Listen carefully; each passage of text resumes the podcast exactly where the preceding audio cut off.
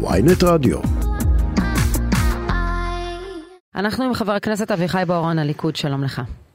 שלום לכם, בוקר טוב. אז אולי נפתח בזה, בנושא של עוד רצח אה, הלילה של אישה במגזר הערבי. יש ממש אה, פשוט אה, אובדן עשתונות בעניין הזה. אה, אף אחד לא פועל, כאילו אנשים נרצחים על ימין ולשמאל. אישה שחונה ליד ביתה אה, נורה מטווח, נורית מטווח אפס. אה, קודם כל זה באמת מצער, אה, כתופעה, כתופעה חברתית, כתופעה אה, מוסרית אולי אפילו. אני חושב שהפתרון הוא לא רק באכיפה, כמובן גם אכיפה, גם שיטור, גם, איך אני אומר, חינוך עומק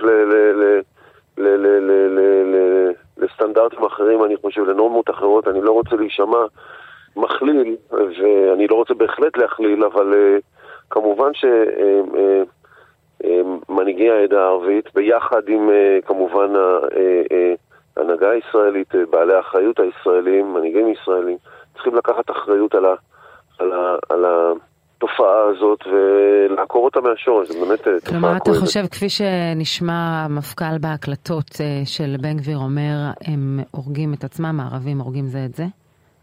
זה, זה בתרבות שלהם? אני לא רוצה ללכת לשם, אבל... Uh... כמובן שצריך... אה, אה, כל, כל, כל מגזר יש לו את החולשות שלו, נאמר את זה ככה. אז, אז אה, בחולשה הזאת צריך לטפל, כן. ב, ב, איזה ב, חולשה? ב, בעיניים, בעיניים פקוחות, בוא נאמר ככה. הבעיה היא שכשאתה מסתכל על המספרים, אתה רואה למשל ששיעורי הרצח במגזר הערבי בישראל גבוהים מרוב מדינות ערב השכנות. כלומר, הטענה התרבותית, ש, שאני לא... שם אותה בצד, כי אני חושב שאפילו אה, במגזר הערבי יגידו לך, כן, יש לנו פה בעיה אה, בסטנדרטים מסוימים שמאפשרים לאנשים לבצע מעשי רצח כאלה או אחרים. Uh, עדיין ההתפרצות הנוכחית, גם, גם לפני השנה המטורפת שאנחנו מצויים בה, היא, היא בחוסר פרופורציה. חוסר פרופורציה. משהו, משהו, זה פשוט טירוף לחיות כערבי בישראל ולדעת שאתה מאוים ברמות האלה ורמת הביטחון האישי שלך כל כך נמוכה. זה טירוף. זה בהחלט טירוף. אני, אני אקח על איזושהי תופעה שאנחנו מכירים אותה, מי שמסתובב ביהודה ושומרון מכיר אותה יותר, אה, תופעת אה, הירי בחתונות ובשמחות. אה, הדבר הזה הוא, הוא מורכב משני אלמנטים, אלמנט אה, תרבותי שצריך לעקור אותו, ואלמנט טכני, פשוט צריך לאסוף את הנשקים. ואנחנו כמדינה חייבים לאסוף את הנשקים מכל בית בישראל אגב. שלא מחזיק נשק ברישיון, ודאי במגזר הערבי. יש שאלה משפטית האם אה, צה"ל יכול להיכנס ולאסוף את הנשקים. אז יש גם תקנות לשעת חירום, ובהן צריך להפעיל במצב חירום, ואנחנו בהחלט במצב חירום, את כל הכלים העומדים לרשותנו כמדינה כדי לעקור את התופעה הזאת מהשורש. אני בטוח שביחד עם ההנהגה הערבית יהיה אפשר לצאת למבצע אה, אה, אה, מיוחד לאיסוף כל הנשקים בית בית לעבור וכמו אה, שאמרתי לעקור את התופעה הזאת גם בהיבט של אה, פגיעה בינם לבין עצמם, וגם בהיבט של עבריינות פלילית שיוצאת החוצה. אתה גם תומך בהצעת החוק של אלי רביבו להכניס את השב"כ לפעילות בנושא הזה? אני לא יודע אם זה צריך לבוא ממקום של חקיקה, כי בסופו של דבר המכשיר לא, של חקיקה... לשנות, הוא רוצה לשנות את הייעוד של שב"כ, כפי שכתוב השב"כ. בחוק השב"כ, כי כרגע כתוב שם רק אה, שמירה על ביטחון ישראל ברמה, ביטחון חוץ, מה שנקרא, ושמירה על הדמוקרטיה. אני, אני לא יודע אם אה, צריך להפנות את המשאב את הכלי הזה שקוראים לו שב"כ, אה, אה, שירות הביטחון הכללי, שמיועד ל, ל, לפעילות מול אויבי ישראל ברמה של, ברמה של, ברמה הפלילית. כיוון שאם אנחנו נתחיל, זה קצת מתעתע, פה זה ערבים ופה זה ערבים, אבל זה לא נכון להתייחס לזה ככה, אני חושש אני חושב שידידי חבר הכנסת רביבו רוצה להשתמש בכל כלי שמונח לפנינו כדי לעקור את התופעה, אבל אני חושב שלמשטרת ישראל יש את היכולות שלה, ויכולות טובות, וצריך אה, לשבת פה ולסדר תוכנית אה, סדורה ופשוט להוציא אותה לפועל. אז זהו, אנחנו נמצאים, מספר, אנחנו נמצאים מספר חודשים אחרי הקמת הממשלה, כשהמושב הראשון של הכנסת עסק בעיקר ברפורמה. אנחנו עכשיו מתעסקים בכל ההטבות לפני העברת התקציב. נתניהו פשוט נמצא, לא, לא רוצה להשתמש בדימוי של אקדח על השולחן, אבל נמצא באמת בסיטואציה בלתי אפשרית כשהוא צריך להעביר תקציב על פי החוק, ומצד שני יש לו המון התחייבויות, וראינו אתמול את כל ההתחייבויות הקואליציוניות הכבדות האלה. אנחנו לא מדברים כרגע איתך על ההיבטים הכלכליים של העניין, אבל יכול להיות שהממשלה הזו עסוקה בהכל חוץ מהבעיות האמיתיות שיש לנו. מעבר למבצע האחרון שהיה מבצע מוצלח, את זה לכל הדעות, אנחנו מדברים נניח על הבעיה הכבדה מאוד של משילות, שעזרה לממשלה הזו להיבחר, ופשוט לא מצליחים להתחיל לטפל בזה, בגלל כל העניינים הפוליטיים. פה רפורמה, ופה כספים קואליציוניים, ופה החרדים מאיימים על חוק הגיוס, פשוט לא מצליחים לתפקד.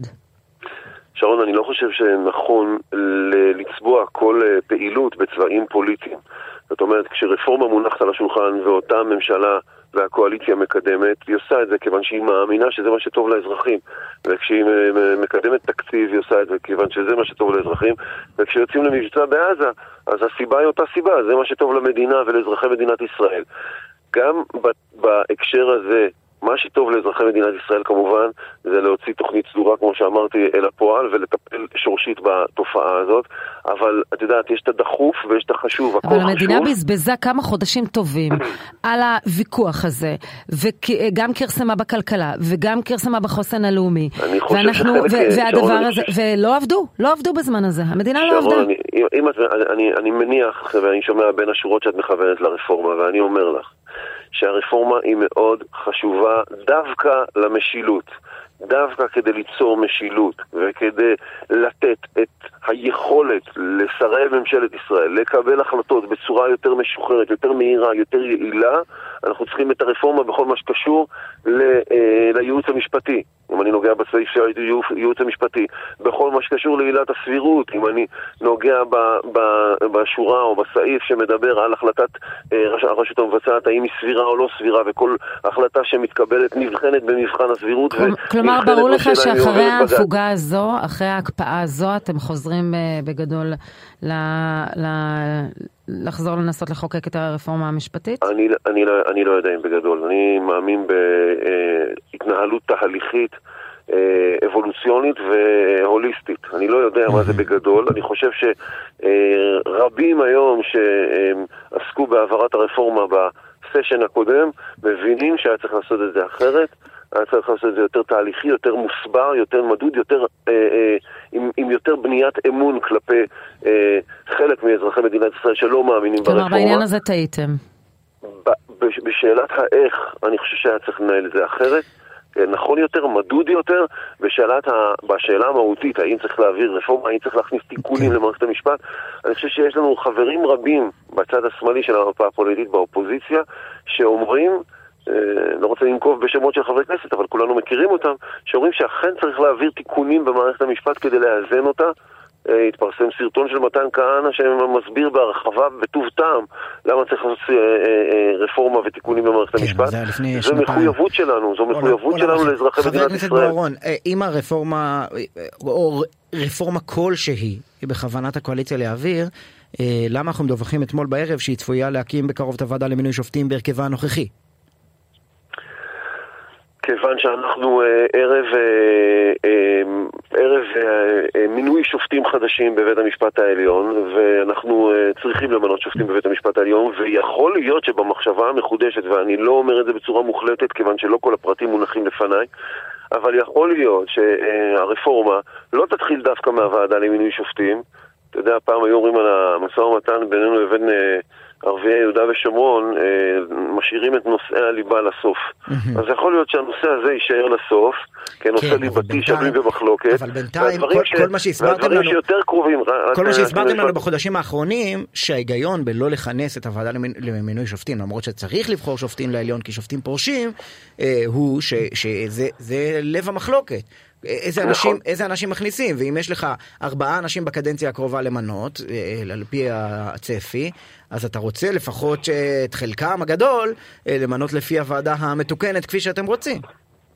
נכון, זה בהחלט לב המחלוקת, ושוב אני חוזר לשאלת האיך. השאלה אם אתה נושאים, אתה נוגע בנושאים שהם בלב המחלוקת בראש ובראשונה, או שכדי לבנות תהליך אמין, אמין הכוונה שהצד השני מאמין בו, אה, ותהליך שזוכה לקרדיט, אתה שם קודם כל על השולחן את הנושאים שאינם שלויים במחלוקת, שיש הסכמה לגבם, כמו עילת הסבירות, או כמו אה, הטיפול בנושא הייעוץ המשפטי. אה, כלומר, לאלה תחזרו מיד אחרי העברת התקציב. או המשאב אנחנו, הזה. אנחנו מחויבים לאזרחי מדינת ישראל שאת יודעת, התאספו בכיכר בירושלים מעל חצי מיליון איש שדרשו רפורמה עכשיו, הם מבטאים המון המון אדם שיושב בבתים ורוצה שינוי בישראל ורוצה להרגיש חלק מתהליך קבלת החלטות במדינת ישראל. תגיד, חבר הכנסת בורון, זה נכון שהסיפור עכשיו עם קרן הארנונה זה, זה סגירת חשבונות עם ביבס על זה שהוא התנגד למהפכה המשפטית? לא, הנה, זה עוד נקודה שבאה הממשלה ואומרת, אנחנו רוצים להיטיב עם כל אזרחי מדינת ישראל. ובמדינת ישראל, כמו שכולנו יודעים, יש רשויות יותר עמידות, יותר מבוססות, יותר עשירות אפילו, ויש רשויות חלשות שאין להן אזורי תעשייה ואין להן פארקים תעשייתיים, ולא, ברבות השנים, לא זכו שייבנו בתוכן אה, אה, אה, אה, משאבים כאלה שמכניסים כסף לקופה, אה, לקופת הרשות המקומית, ובאה ממשלת ישראל ומדינת ישראל ואומרת... אז למה בהתחלה הוחרג אה, יהודה ושומרון עד הייעוץ המשפטי שטען ש... אני לא חושב, לא שאם, אני חושב שאם תבחני ביהודה ושומרון, רמת הפיתוח של אזורי תעשייה מאוד מאוד נמוכה, מאוד מאוד נמוכה. יש אזורי תעשייה בודדים, מינימליים, ביהודה ושומרון, ואם אתה לוקח מיהודה ושומרון את הדבר הזה, אתה פוגע קרדינלית אה, בהתפתחות אה, ההתיישבות הישראלית ביהודה ושומרון. אני יכולה להראות לך עוד כמה יישובים בתוך הקו הירוק שיפגעו קרדינלית. אתה תומך עדיין בהחרגת הרשויות ביהודה ושומרון מהקרן? אני רוצה לתקן, אני רוצה לתקן ולומר, לא לוקחים מכל הרשויות שיש להן אזורי תעשייה, אלא לוקחים רק מה, אה, אה, ממה שנקרא 1 עד 3, מה, מהרשויות המאוד מאוד אה, משופעות באזורי תעשייה ובפארקים תעשייתיים, רק עליהם אנחנו מדברים, ולא על כלל הרשויות שיש להן פארקים. לצורך ההמחשה, למיטב הבנתי, נתניה לא נמנית על אותן רשויות שמהן לוקחים, אפילו שלנתניה יש אזורי תעשייה. למה? כי היא לא נמצאת באותו, באותה, באותו מדרג כן, של רשויות מקומיות. כן, אבל זה אומר מקומיות. שחלק מהרשויות שעברו הבראה ועברו שיקום ועיצוב, חלקן הופכות, ל... פשוט אוכלות אותה כשהם עשו הסכמים, כמובן על פארקים תעשייתיים, על מנת לייצר עוד מגורים. הם עשו הסכם מתוך תוכניות מסוימות לעיר. עכשיו בעצם אומרים להם, לוקחים את מה שאתם תכננתם. לא כולם כאלה חזקות כמו תל אביב, אוקיי? יש גם רשויות שהן אה, רשויות ששיקמו את עצמם במהלך השנים. סתם תהינו לה איך הגיע הנושא הזה של יהודה ושומרון לעניין הזה. ו... אז, ו... אני, אז אני אומר, יהודה ושומרון פשוט לא נכנסת לאותו מדרג של רשויות. אנחנו מדברים על הרשויות המאוד חזקות בישראל, שיחס התושבים... לא, לא בגלל זה הוחרגה, זה לא היה מבחן רגיל. זה היה סעיף מסוים שהחריג את יהודה ושומרון ככלל, לא לפי הנושא של אשכולות. אני אומר שוב, תשמעי, ההתיישבות הישראלית ביהודה ושומרון מרובה בתושבים, ברוך השם, כן ירבו, אבל מצד שני, התפתחות התשתיות ביהודה ושומרון מאוד מאוד אה, אה, מפגרת, נאמר את זה ככה. אה, גם במה שקשור לאזורי תעשייה, גם במה שקשור לכבישים. אני מסתובב ביהודה ושומרון גם מה שקשור מן הסתם באישורי בנייה. אז אולי על זה אתם צריכים לעבוד, על אישור, על, אם אתם, אתם לתפיסתך, נניח צריך להגדיל את המגורים. אני, אני, אני, אני חושב שהוויכוח שלכם הוא, הוא, הוא מחוץ להתרחשות הטכנית, כי ברמה כן, הטכנית לא... הייתה כן. החרגה משפטית, שבגלל חוק ישן, לא משנה, דווקא הייעוץ המשפטי הוא זה שגרם להחרגה הזאת של חלק מהרשויות ביו"ש. אה, היו פרסומים בעניין, וביממה למחרת העניין סודר, רשויות ביו"ש ייתנו ויקבלו מהקרן, בדיוק כמו כל רשות אחרת בישראל. כן, אבל אתה מבין... ועדיין, אז... אני, ועדיין אני חושב שלא ייכנסו ישי, אני גם מקבל את ההערה שלך, ועדיין אני חושב שהרשויות ביו"ש לא, לא ייכנסו, אה, הרשות ביו"ש לא דומה לעיר מודיעין לצורך העניין של חיים ביבס. אם, אם, אם, חזונו, אם חזונו של חבר הכנסת בוארון יתגשם, ותהיה רשות ביו"ש חזקה כלכלית כמו תל אביב או, או הרצליה או רמת גן, אז היא ת, תיתן יותר מאשר תקבל בקרן הזאת. כן. בואו נתפלל כולנו שהרשויות ביו"ש יהיו חזקות. בסדר, השאלה היא רק אם מכילים סטנדרטים, השאלה אם מכילים סטנדרטים אחידים על כולם או מחריגים, זה הכל. אני באמונה שלמה אומר שצריך להכיל סטנדרטים על כולם, את אותם סטנדרטים, גם על התיישבות יהודית. לכן העליתי את הנושא, גם אם אתה אומר שהוא לא רלוונטי, אנחנו גם נוודא שהוא אכן לא רלוונטי. ודרך אגב, הוא לא כל כך קשור בלתת, הוא קשור בלקבל, כי משום שאין להם הרבה יחידות מגורים, האישור הוא כפוף כמובן להמון תנאים נכון. אחרים, לכן הם לא נכון, יכולים לקבל נכון. את ההטבות. שם זה נמצא. חבר הכנסת אביחי בוארון מהליכוד, תודה רבה לך. תודה לכם, שלום שלום.